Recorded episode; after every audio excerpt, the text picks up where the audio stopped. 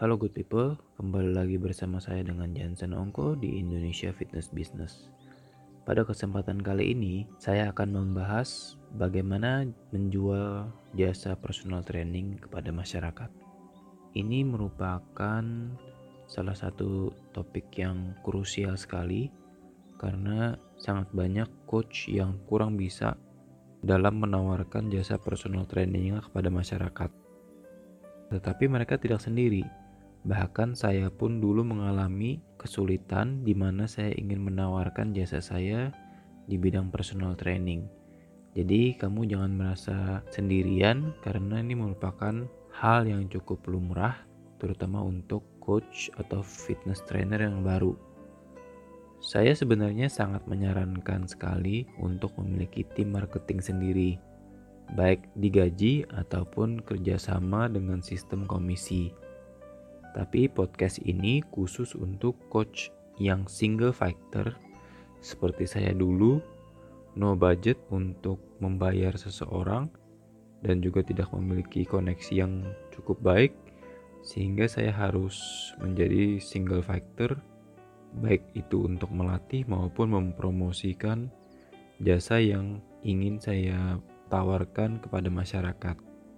Saya yakin banyak yang mengatakan word of mouth itu merupakan yang paling efektif dalam menawarkan jasa kita di bidang personal training.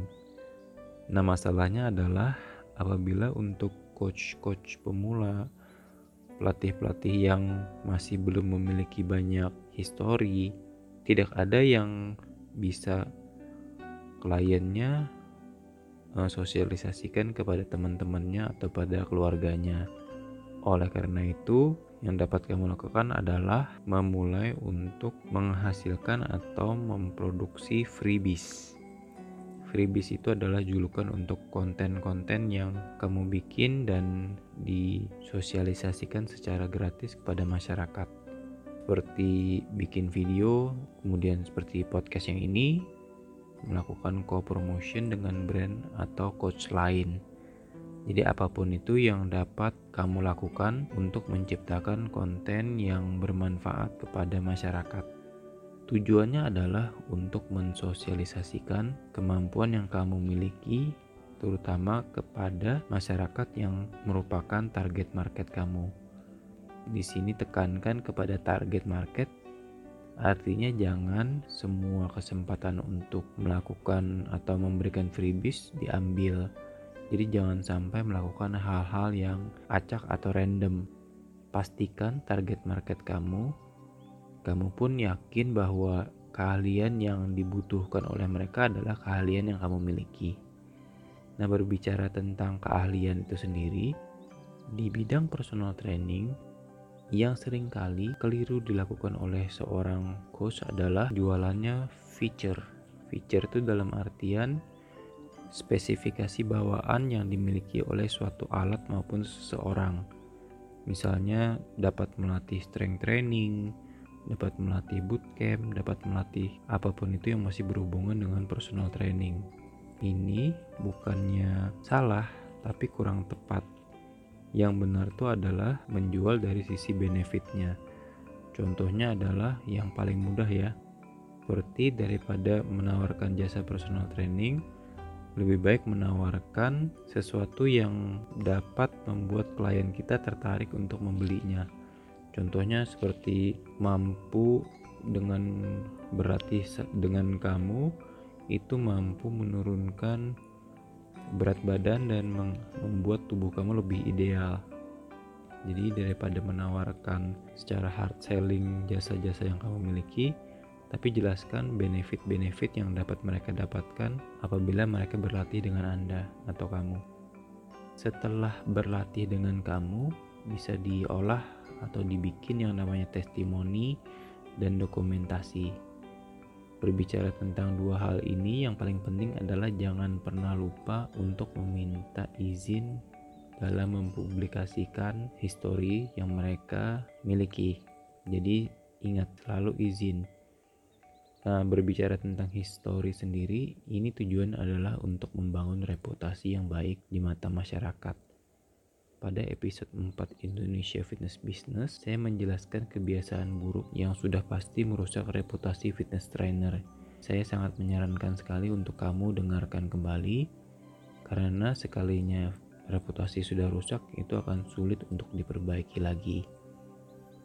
Nah, berikutnya adalah bagaimana menjual atau menawarkan jumlah paket yang sesuai kepada klien kamu.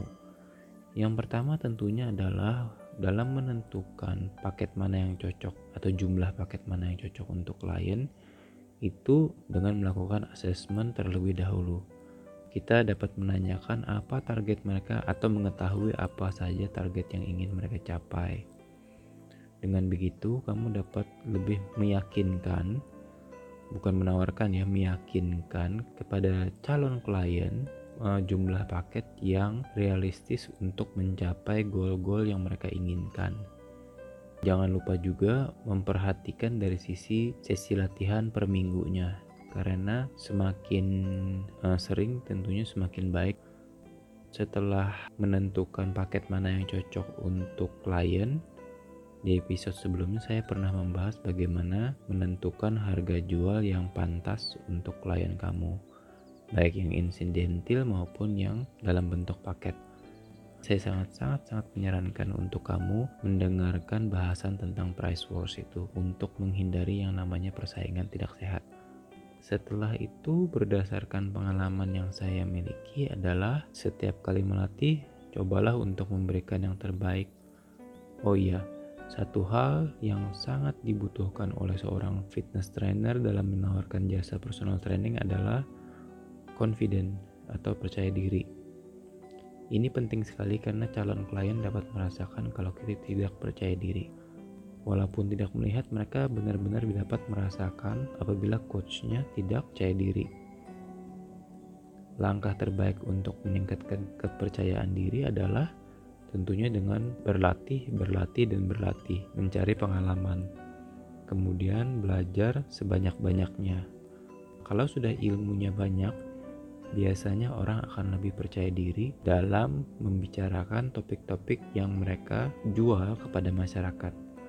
Sebenarnya masih banyak sekali cara-cara untuk menawarkan jasa personal training, tapi carilah cara yang di mana kamu merasa paling nyaman dan juga sesuai dengan target market kamu.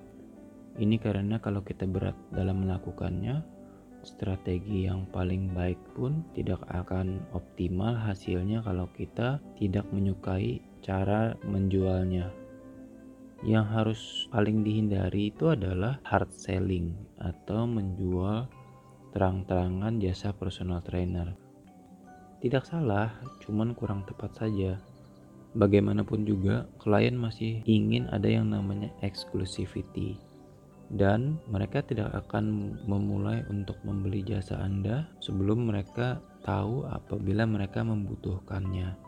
Nah, berbicara tentang membutuhkan, yang paling dicari oleh klien itu bukan kamunya kalau reputasinya belum tinggi atau belum besar dan tidak banyak yang mengetahui.